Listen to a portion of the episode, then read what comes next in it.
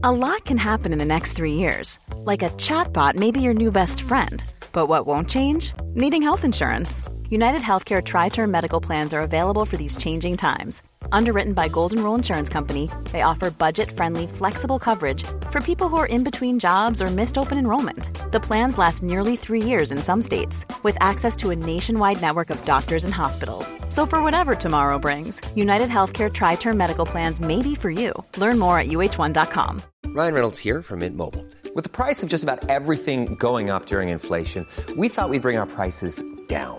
So to help us, we brought in a reverse auctioneer, which is apparently a thing. Mint Mobile unlimited premium wireless. Ready to get 30, 30, bit to get 30, bit to get 20, 20, 20, bit to get 20, 20, bit to get 15, 15, 15, 15 just 15 bucks a month. So, Give it a try at mintmobile.com slash switch. $45 upfront for three months plus taxes and fees. Promo rate for new customers for limited time. Unlimited more than 40 gigabytes per month. Slows. Full terms at mintmobile.com.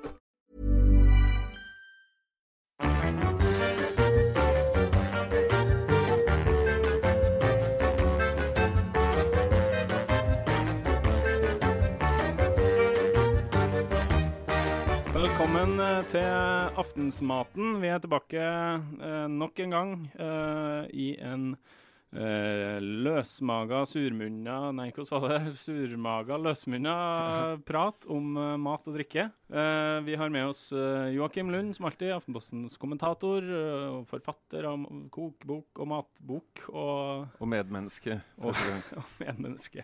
En mye medmenneskelighet i mat, vet du. Ja, og der presenterte han seg. Trygve Slagsvold Vedum, tidligere matminister og Senterpartileder. Valgets vinner, og likevel taper på et vis med at det ikke ble skifte. Velkommen også til deg. Takk for det. Ostetollens far og til og med. Ja, ja, ja. Det er god stemning nå, da. 10,3% ja, det er veldig bra vekst, da. Så at, eh, vi, har, vi får jo 19 representanter, og vi hadde 10 i forrige periode. Så klart, nesten dobling er jo et veldig bra resultat. Ja. Sånn sett seiler vi egentlig litt i samme båt, for den podkasten her har gått fra rett og slett ingen lyttere til noen veldig få lyttere i løpet av veldig kort tid. Jeg tør ikke å si det høyt at min plan er å doble også, men eh, det hadde jo vært fint, det, selvfølgelig.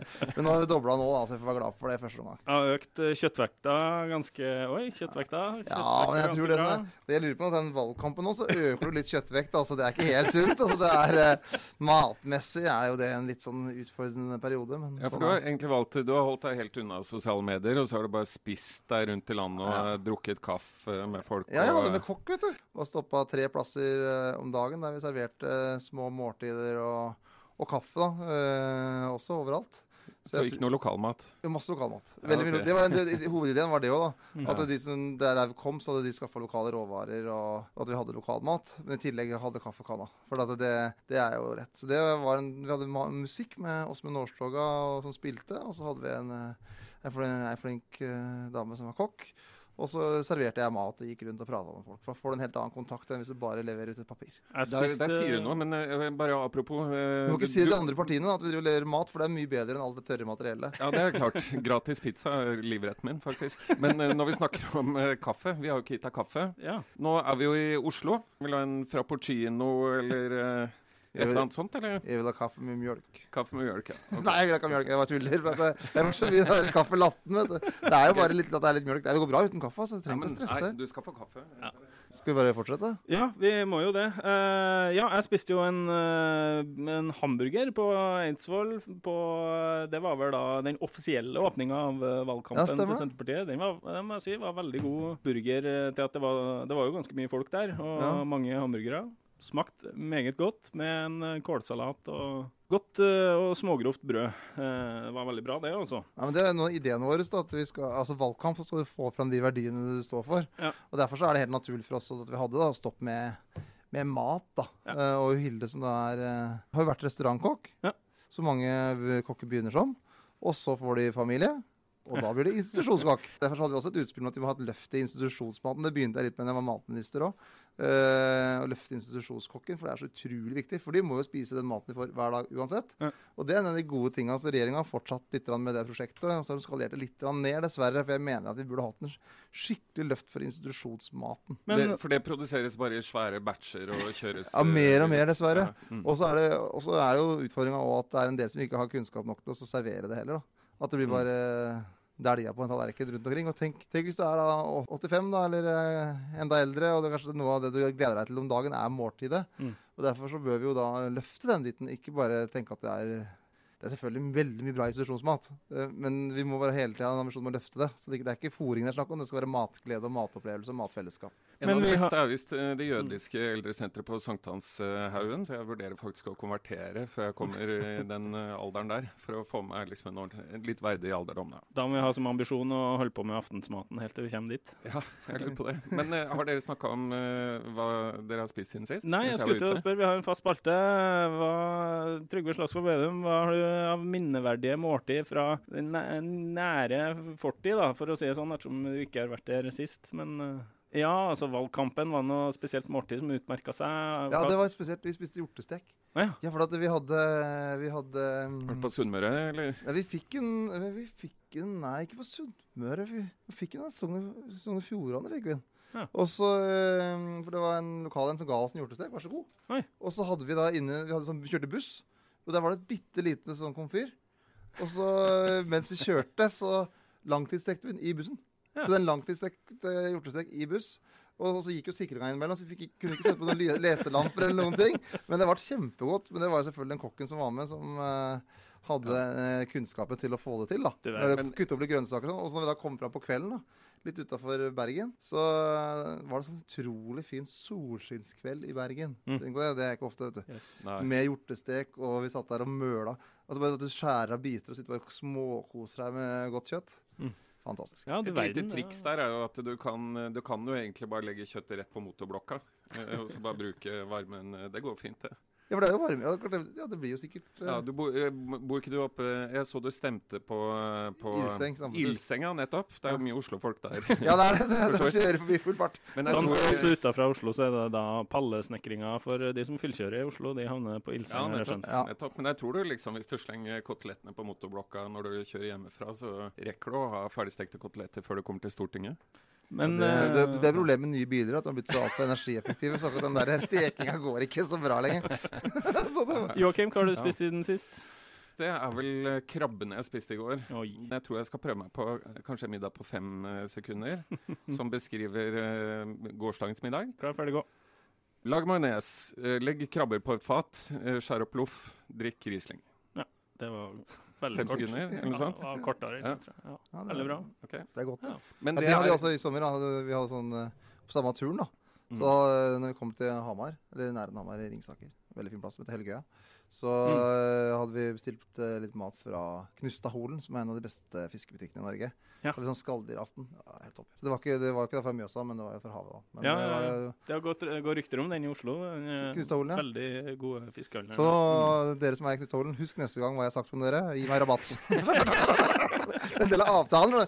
Hver gang jeg får sagt Knustaholen på riksdekkende radio, så får jeg litt mer eh, Nei, jeg gjør ikke det, altså. Jeg gjør ikke det. Men altså, en Nei, ting til. verdensomspennende Hvis du kan radio. gi en tips til, så har vi i Stange så har vi fortsatt slakter og slaktebutikk. Så hvis dere er i Stange, så hvis dere skal ha en unik opplevelse, så går dere på Brovoll kjøttbutikk. For de har samme uniformen som på 70-tallet. Ja. Eh, eller 60-tallet. Helt likt. Og de skjærer opp kjøttet, de slakter der, de lager pølsene der. Og det går inn en sånn god, gammeldags uh, slakteributikk. Nei, og vi de har kan slakter slakteri i Oslo. og da. Jo, men det der er bra. vet du. Det er kvalitet, det er lokale råvarer. Nydelig. Ok, Strøm-Larsen er ikke bra. Takk. Jo, men, det er ikke, men, de, men du må gå ned til autentiske, ujålete, gode. Det autistiske ujålete. Det noterer jeg. Det er litt jålete på Strøm-Larsen av og til.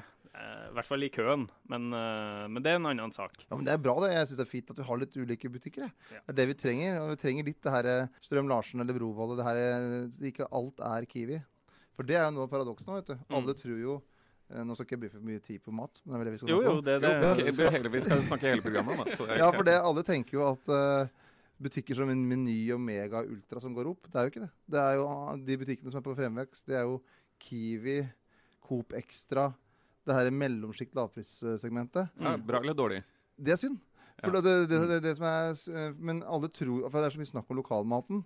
Eh, og at den er så prosentvis så stor vekst. Mm. Men det er større vekst i kroner på First Price og Coop eller, hva, hva kaller Coop det? Kaller det noe som eh, Coop Extra Coop Extra kaller de det. Ja, så det, det er en større vekst i kroner. For klart at Hvis prosenten er lav, så kan jo så det, Og kjøpe Altså Norgesgruppen og Coop. Og, Og de har, det er mer det mellomsjiktet, billigsjiktet, enn i breddeutvalget. Jeg Mm. syns det er litt sånn litt trist utvikling, så vi bør, vi som handler, også sørge for at vi spør etter den lokale råvaren og få fram litt det her lokale preget. Ja, for vi får ikke meny i alle bygder. Nei, det var mer før. Okay. Det var mer menyer før, eh, og nå er det mer Kiwi. Uh, Kiwi er kjempebutikk, men derfor er det så morsomt at det finnes sånne brovoller, sånne bitte små kjøttbutikker, eller fiskebutikken Knustad Holen, Mm. eller den, det her andre småtilbudene da, som skaper sjel. Men så er vi jo alle litt for travle, så det blir veldig mye kjøttdeig og laksefilet og Ja. alt det der. Og jeg, og jeg er den største eksponenten for bruk av kjøttdeig og laksefilet sjøl, så jeg elsker det. Syns det er godt med Grandiosa og alt, så det skal jeg ikke si noen ting. Men jeg, okay, Klimaskeptiker også. Men Nei, eh, det, jeg, jeg er skeptisk til klimaendringer. Ja. Men uh, apropos meny, eh, hvis vi beveger oss bort i eh, ostedisken, da, så, som vi nevnte innledningsvis, så er jo du ostetollens eh, far. Og for de som ikke husker det eller eh, satte seg så godt inn i det, så var det altså da, da Vedum var matminister. Her var i 2012, Mm. synes jeg husker. Høsten 2012, ja. Arbeiderpartiet leda regjering sammen med SV og Senterpartiet. eh, og det er da en ekstra, eller en om Man endra tollsatsen da, på faste og halvfaste oster. og det, Vi må vel kan si at primære målet var å beskytte Norvegia laga i Norge fra Tine eh, mot import fra lignende ost- volumprodukt, altså Ja. storselgere av oster fra utleie. Ja, for det var i ferd med å skje at uh, Det som er kalt fast fastost, da, som Norvegia er, Mm. så var det i ferd med å skje at uh, noen av de store dagligvareaktørene skulle ta inn uh, den type ost fra sannsynligvis Jeg trenger ikke å si hvem.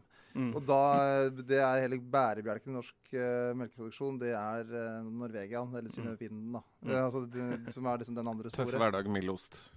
Ja, det er en vill ost, ja. ja og, og det, så den tollendringa var for å beskytte det markedet. Ja. Eh, og så klart ble danskene sure, for de ville selge sin eh, Norvegia, for å bruke det uttrykket, da, Mm. eh, inn i det norske markedet. Og så ble det veldig mye ramaskrik, for alle trodde at det skulle bli vanskeligere å få tak i bredden av oster, og det ble det jo ikke. Ja, Du Det- ble pælma ut til og med fra smelteverk, eh, husker jeg. Jan Vardøen eh, ja, ja, han trua med å slå meg ned, faktisk. Oi! Men han, han mente ikke det. da. Jeg tror bare at han ble litt ivrig. Eh, Ja. Så, så han, han, jeg tror han sikkert syntes det var litt dumt etterpå. Han, han ble litt ivrig og så sa han ja, du må gå, så slår jeg til deg, eller sånn. Oi, oi. Og det, det jeg tror ikke det var vondt ment. Ja. Men han er jo aktiv med partiet De, de Grønne. Og det var jo det partiet okay. som var mest aktiv støttespiller for ostetollen i Europaparlamentet. Så hans europeiske moderparti de var en støttespiller. Så han får bare høre på moderpartiet sitt.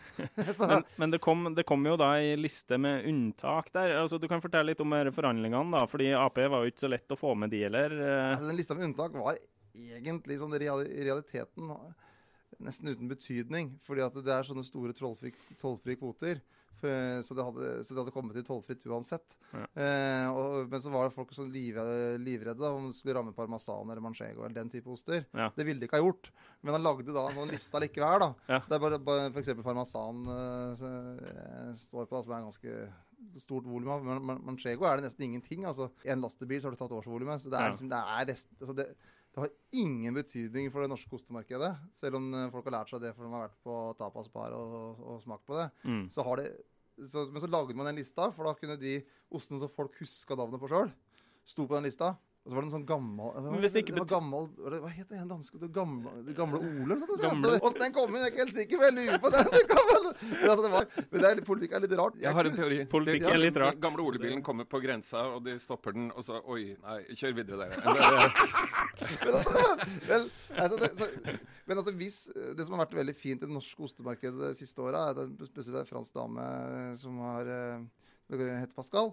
Det er så veldig mange franskmenn som heter Pascal, så alle, hvis du bare sier det, så eh, tenker du at det er litt den her kafeen her i Oslo. Ja, ja, ja. Men det er jo da i um, eh, under, alle dere som hun eh, begynte egentlig med den gårdsostkampen. Mm. Så det har jo skjedd en stille revolusjon egentlig når det gjelder osteproduksjon i Norge. Det har det jo. Men spesielt mange av de her småskala osteprodusentene de er 100 avhengig av at du har systemet som Tine Mm. eh, eh, for å holde dem oppe. Ok. Eh, Og, og, og uten at du da har volumost og økonomi, så vil mange av de her småostprodusentene ikke ha sjans. Men når du sier at det ikke har gått utover bredden i utvalget i butikkene, har det da hatt noe betydning for norske osteprodusenter? Ja, for det gjorde at de ikke ble erstatta av Norvegia og Synnøve Altså egentlig i hovedsak Synnøve Finden. For at Synnøve Finden er mest egen merkevare. Altså Du ser nesten ikke Synnøve Finden-ost i butikken lenger. Men når du ser eh, EMB-en, så er det det samme som Synnøve Finden. De prøvde seg med Altså- en sånn Jarlsberg-type. EMB, altså da, sånn butikkenes egne, Ja. sånn som Coop Ja. Extra og First Egne Price. Egne merkevarer. Og... Ja, og det er jo det som og der er jo eh, spesielt Synnøve Finden eh, er mye har satsa mye på egne merkevarer. Mm. Og klart, det er det mye lettere for f.eks. Rema, da, hvis de vil ha inn en Dansk. dansk ost, Mm. så har de en egen me- merkevare, og da er det mye lettere å bytte det inn. da. Ja. Mm. Så derfor så, Det som du merker mest på med den eh, ostetollen, for så vidt, det er at du har at den der volumosten, pizzaosten, da, Gran, Grandisosten, Mm. den er norsk. Og det gjør at du har en lønnsomhet i hele verdikjeden. Og så er det da bare i eh, Tine så er det over 5000 ansatte, og det skaper masse verdier rundt omkring i hele Norge. Og, og så må jeg si en ting til da, når jeg først får lov til å bare snakke som fritt. Ja. For det ofte så blir Tine er vel litt lite brutale. ja, Ja, det er greit. er- er ofte blir. Tine framstilt som den store, stygge ulven, men det er så feil. For det er det alle norske melkeprodusenter som eier. Det er ingen enkelteier som får de penga.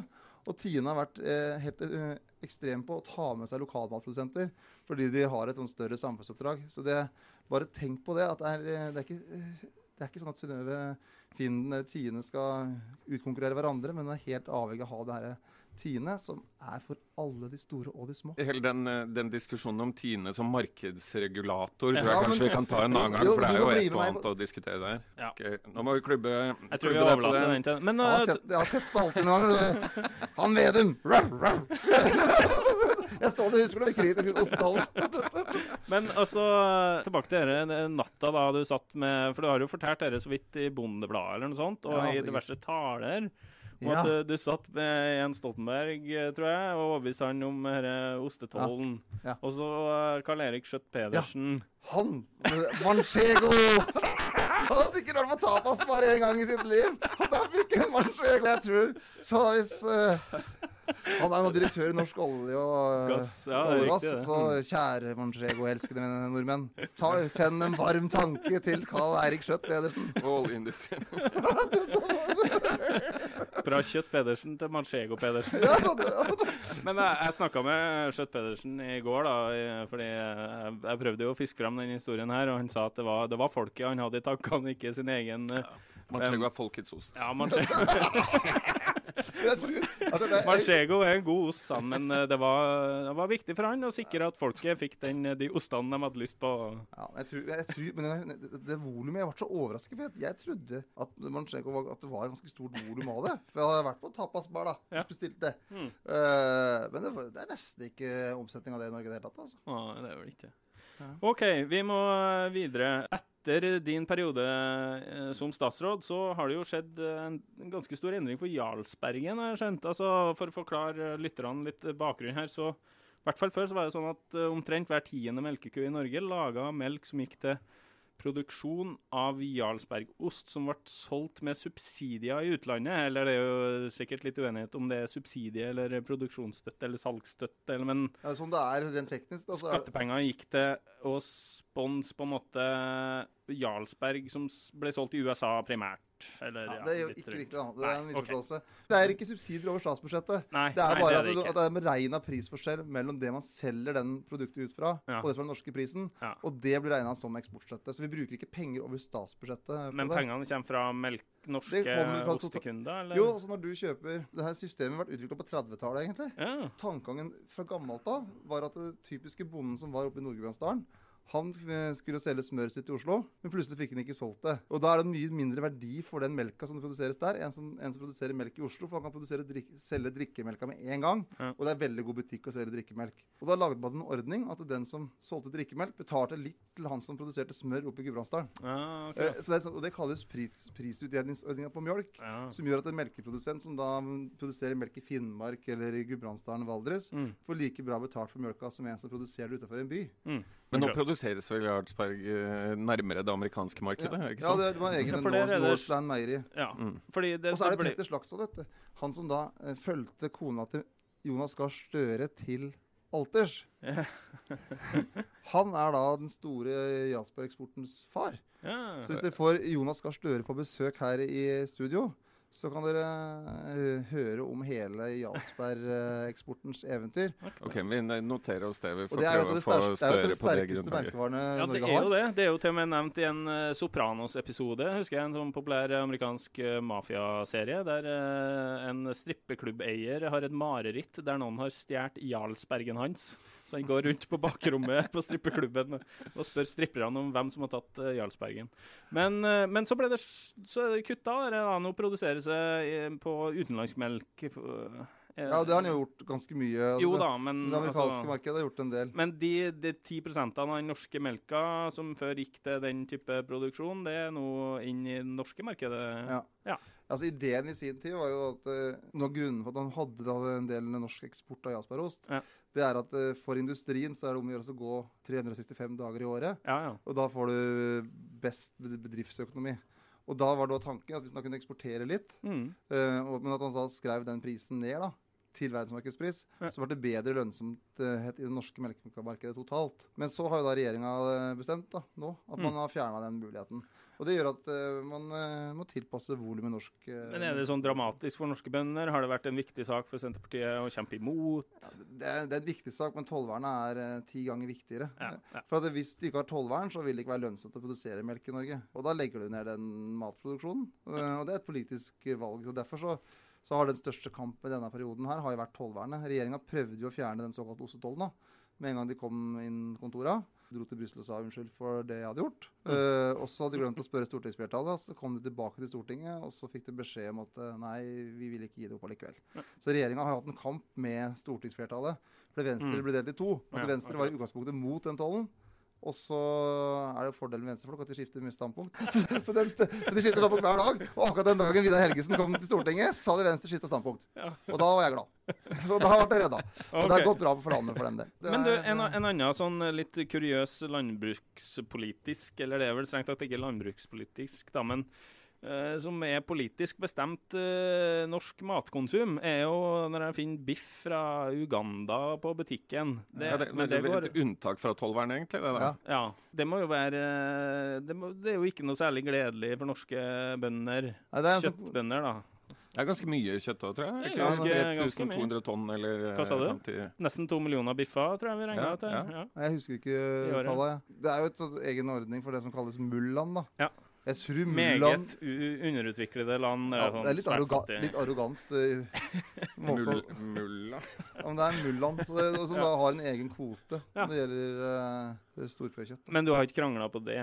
Nei, det har ligget fast uh, over lang, lang tid. Den kvota ble økt. Det er ganske morsomt, egentlig. Er med fare for å si ting litt feil. OK. Så økte Gro Harlem Brundtland den der kvota rett etter EU-kampen i 93-94. Som en slags sånn der spark på leggen til alle bøndene som stemte nei. jeg vet ikke om det er helt sant. Jeg jeg bare hadde fortalt. okay. At uh, vi- har vært for et sånt kvote. Ja. Men så men at eh, Gunhild Øyangen og Gro bare økte den rett etter EU-kampen. For at de syntes at der, eh, nå skulle dere drittbøndene få lov til å kjenne sin egen medisin. Vi, vi lar det henge som en løs påstand, i hvert fall. ja, jeg har bare hørt den. Om det er sant, vet jeg ikke. Men da, er, da kan du tenke på det, kjære bonde i Namdalen, at du er like mye verdt som bonden i Namibia. OK, eh, da tror jeg vi har kommet til punktet for din hjemlekse. Eh, på kortest mulig tid, da, under 15 sekunder, så skal du presentere hvordan man lager en eh, middagsrett. Og til slutt anbefale også hva man drikker til, da. Ta hjem og Ja. finne frem Jeg tar den, eh, tar den siste jeg gjorde hjemme. Ja, det, gjerne det. OK, Ja. klar. Nei, nei, nei, nei, nei, nei, nei. OK. Klar, ferdig, gå. Du tar og river av eh, boksen på ananasen, på maisen, eh, på, sekunder. på bøndene. Du kjører kjøttdeigen opp i panna, gjerne karbonaddeig. Du, Du, du, du tar på ovnen, setter på 220 grader, kaster inn skjella, og du inviterer dine barn til tacofest. Drikke. Jeg elsker deg. Du har cola, du har Solo, Ja. og du har selvfølgelig alkoholfritt øl til din far. All right. OK, det var 20 sekunder, men eh, vi lar det passere. Ja. Det er verdens enkleste måltid for en småbarnsfar som vil ha god stemning i heimen. Ja. Men eh, det er ikke så enkelt. Det tar lang tid å lage taco. Men det er koselig. Men, da. ja, det er koselig, men tenk deg det, det karbonavtrykket. Når du liksom, det er kjøttdeig, du har mais. Den er jo kanskje da eksportert eh, fra Sør-Amerika et eller annet sted. Sikkert eh, fortrengt noe ukontakta stammer og regnskog og Men det er ikke biff fra Botswana, i hvert fall. da. Det er jo vel det, Nei, kanskje det enda er verre, avtrykk. Men Nei, det kan godt det, Nå gleder jeg meg egentlig til fårikål. Sånn. Det er ja. Det er sånn, det Ja, er var, sånn var, det, Det det jeg også tenkte på. For jeg skulle jo liksom tro at du ville bruke denne muligheten til å si at du spiser norsk tradisjonsmat. Jeg burde gjort det, men så tenkte jeg at det, det er viktig å si sannheten. At du er folkelig. si sannheten! Tenk på hele Norge. Og, Ja, hele Norge. Og jeg mener jo at det er sesong nå. Jeg syns lammestek er strålende. Ja. Så det her er liksom Det er jo sesong for lam nå, da. ja, det er det. Ja. Og krabber. OK. uh... Og eh, også i mitt eget eh, valgdistrikt Hedmark så er jo da elg. Ja. Elghakk. Og ulv. Ja. Men, men jeg har aldri jeg har spist bjørn. Ja, Det var ikke godt. i Finland. Ja, Eller det var, det var eh, på en eh, sånn gårdsturisme i Norge. Men det var da sikkert eh, svensk eller finsk bjørn, ja. Ja, jeg tipper at du har spist ulv òg. Jeg har for øvrig en sånn hermetikkboks med bjørnekjøtt i en skuff hjemme også. Men da kan vi notere oss at Vedum liker ikke bjørn. Det, Nei, nei, men det var ikke noe nyhet. da. Nei, det var ikke noe nyhet. Men, ikke men, eh, men OK, la oss si da at Hareide er så glad i, i franske oster da, at han feller Solberg-regjeringa, og du får mulighet til å bli statsråd igjen. Hva, hvilket departement eh, skal du ta da? Blir finans eller mat? Er du mest glad i mat eller penger? Jeg er mest glad i mat, da. Jeg klarte å være å drive og fordele statsrådsposter i mitt eget hode før valget, og nå tror jeg jeg skal i hvert fall slippe å tenke på det. Jeg har vært mer opptatt av sakene. Men Sylvi Listhaug er ute og sier eh, hvilket departement hun vil ha.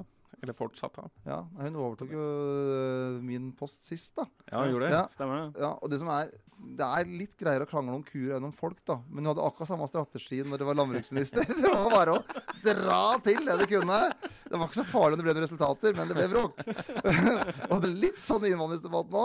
Så Sylvia bare kjører på. Og så det, det var, jeg tror ikke det kommer så mye nye konkrete forslag, men det blir debatt i hvert fall. Ja. Vi må snart gå inn for landing, men eh, jeg har li eh, lyst til å snakke litt om eh, Oslo. Når du Ja. først eh, er eh, her blant de høye herrer eh, i Oslo. For du er jo et slags gissel i Oslo Ja. i kraft av politikken. Det kan vi jo kanskje legge til. da, I Norge har vi parlamentarisme, sånn at uh, folk fra hele landet liksom kommer til Oslo for å styre hele Mm. landet. da. Så de høye herrer i Oslo, det er jo da bl.a. Uh, Vedum. Men når du blir tvunget til å være her, uh, hvor liker du å gå og spise da? Bortsett fra smeltverket til Vardøen.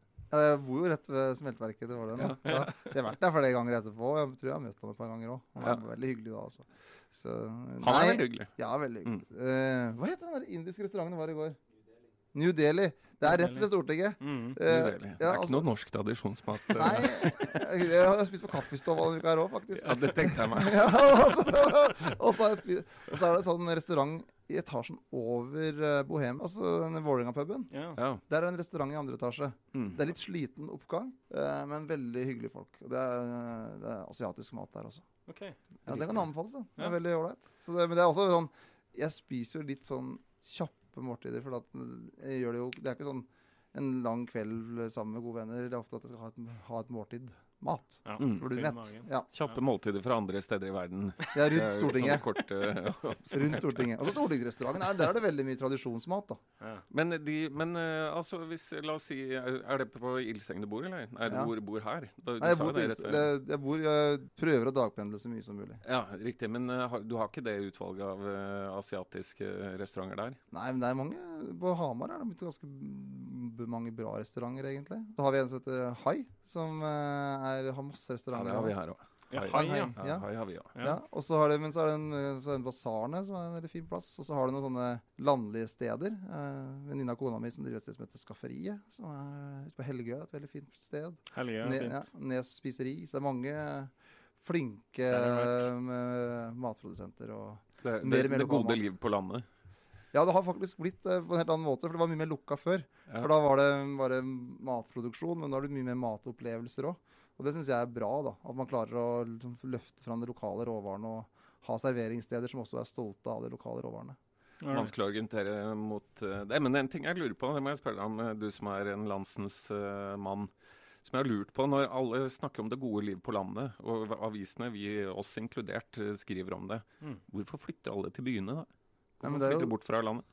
Men det er jo en myte, da. Hvis du ser eh, norske bygder, så er det jo liv og røre i hele landet, hele landet vårt. Det, så, det jo, så er det jo det som er så fint i Norge, at det går an å ha et godt liv i Oslo. Det går an å ha et godt liv i, liv i Lofoten eller Ilseng, der jeg bor. Så det, vi har den uh, muligheten. Må Jeg tror vi har politisk- nyhetspoenget vårt. Eh, Ja. Vedum innrømmer at man kan ha et godt liv i Oslo. Det er en bra Jeg traff kona mi i Oslo. har fått de beste opplevelser her. Og ikke minst at det faktisk eh, bygda i Norge lever fortsatt. Det var ikke død og nedlagt eh, likevel. Man Det er masse ha masse livskraft, eh, egentlig. Så det blir litt sånn myte òg. Altså, det er eh, Ja. det, er- bare Hvis du er i Norge, da, eller Sverige søren, jeg roter svært. Det er Det er lett lett å blande Norge og Sverige. Ja, Altså. jeg bor i Hedmark. Ja. Og hvis du da kjører fra Hedmark over til Sverige, så ser du at det er ganske stor forskjell. Men uh, apropos Sverige. Mm. Nå har uh, grensehandelen økt med 10 det siste året. Hvorfor, eh, hvorfor det? Er det folk på jakt etter eh, billig mat og godt utvalg fra Europa? Ja, så tror jeg opplevelsen òg, egentlig. Jeg tror, Opplevelsen? Ja, jeg tror det. Jeg, At det er d- dobbelt så stort utvalg. eh, jeg tror det. Veldig mange. Tar det som en tur, ja. Jeg tror, veldig, jeg tror mange tar det som en tur. Ja, altså, hva skal vi gjøre for noe i dag? Og så, nei, vi kjører en tur, og så handler vi litt samtidig. Så jeg tror det er veldig mye sånn, egentlig. En piknik For at utom Nordbysenteret Og... Ja.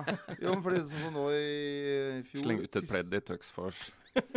For det siste året så har jo den norske krona gått veldig ned. Ja. Ja. Så at det, det er ikke, sånn sett så har jo ikke det vært det mest lønnsomme de siste, siste åra. Men jeg, På tror- ingen måte. jeg har da aldri eh, grensehandla. Fordi eh, når vi da kjører familietur over, og ko- kona mi inn må handle noe på sånn grensebutikk for vi skal videre til eh, Astrid Lindgrens verden eller noe. Så jeg går ikke inn i den butikken, for jeg veit at det kommer en uh, iPhone med en gang. så jeg tar ikke sjansen for det. Det kommer i VG så hvis jeg står der og handler kjøtt. Altså, så det, Da så kan det, jeg det, stryke godt, det spørsmålet. så det godt, godteoppfyllinga i den bilturen, den måtte kona ta seg av. Så satt jeg i bilen. Men, jeg- men jeg har gjort det mange ganger. eh, og et- Harryhandla? Du har Ja, ja, ja, mange ganger. Eller er det Men harryhandel? også, det må jeg si, det er jo litt for turen. Altså. Men det beste trikset i Sverige, de selger jo billige andebryster, Ja, heter det det? Nei, det heter, det heter ikke bryster. Det heter andre bryst. Det er to i pakken, så det blir bryster, altså. Ja, ja, nettopp. Det Det blir jo det, da. det hørtes pirrende ut, faktisk. Men, eh, men det er sånn man kan fylle fryseren med. Og så når du da er blakk rett før eh, lønning, så kan du rett og slett bare gå over på eh, et, eh, sånn rent andebrystkosthold. Ja. Det er supertriks. Er da fikk vi inn litt nytte i sendinga òg, det er jo veldig viktig. Nei, men Jeg syns ikke vi skal være for harde med folk jeg, som har lyst på, har lyst på en tur. Men selvfølgelig så syns jeg at uh, ta turen og så kjøp mest mulig i Norge. Ja. Det får være Norsk det, jeg må kose seg litt her i livet. Det er, Jeg, jeg pleier å kjøre til Tuxfors, og så bare handler jeg på den norske siden av grensa på vei tilbake. men, du, men altså, har du lest eh, altså, gleden, altså, Kjell Arild Pollestad han er en sånn matgourmet. Okay. Ja. Og han har skrevet, han skrev noen, eh, For noen år siden så leste jeg en sånn eh, kronikk han, eller ko- kommentar han skrev. da, og det er sånn, Heller 70 år på meierismør enn 80 år på margarin. For han mener at vi må ha mer matglede. Ja, Og det jeg håper jeg virkelig at, at vi nå liksom i all denne travelheten at det skal være Noen ganger så må vi bare kjøre på, nyte og nyte øyeblikket. Og fett og godt og vin og alt som hører med. Ja. Det er altfor mye Norsk vin. matmoralisme. Norsk vin. Det har jeg smakt, og det syns jeg var litt surt. så da går jeg for spansk. Så at, eh, Ja. Men nå er han eh, Kjell Arne Polstad over 70, så jeg er ikke sikker på om han mener det lenger. Brenn smøret i begge endene, sier jeg. Så. Ja.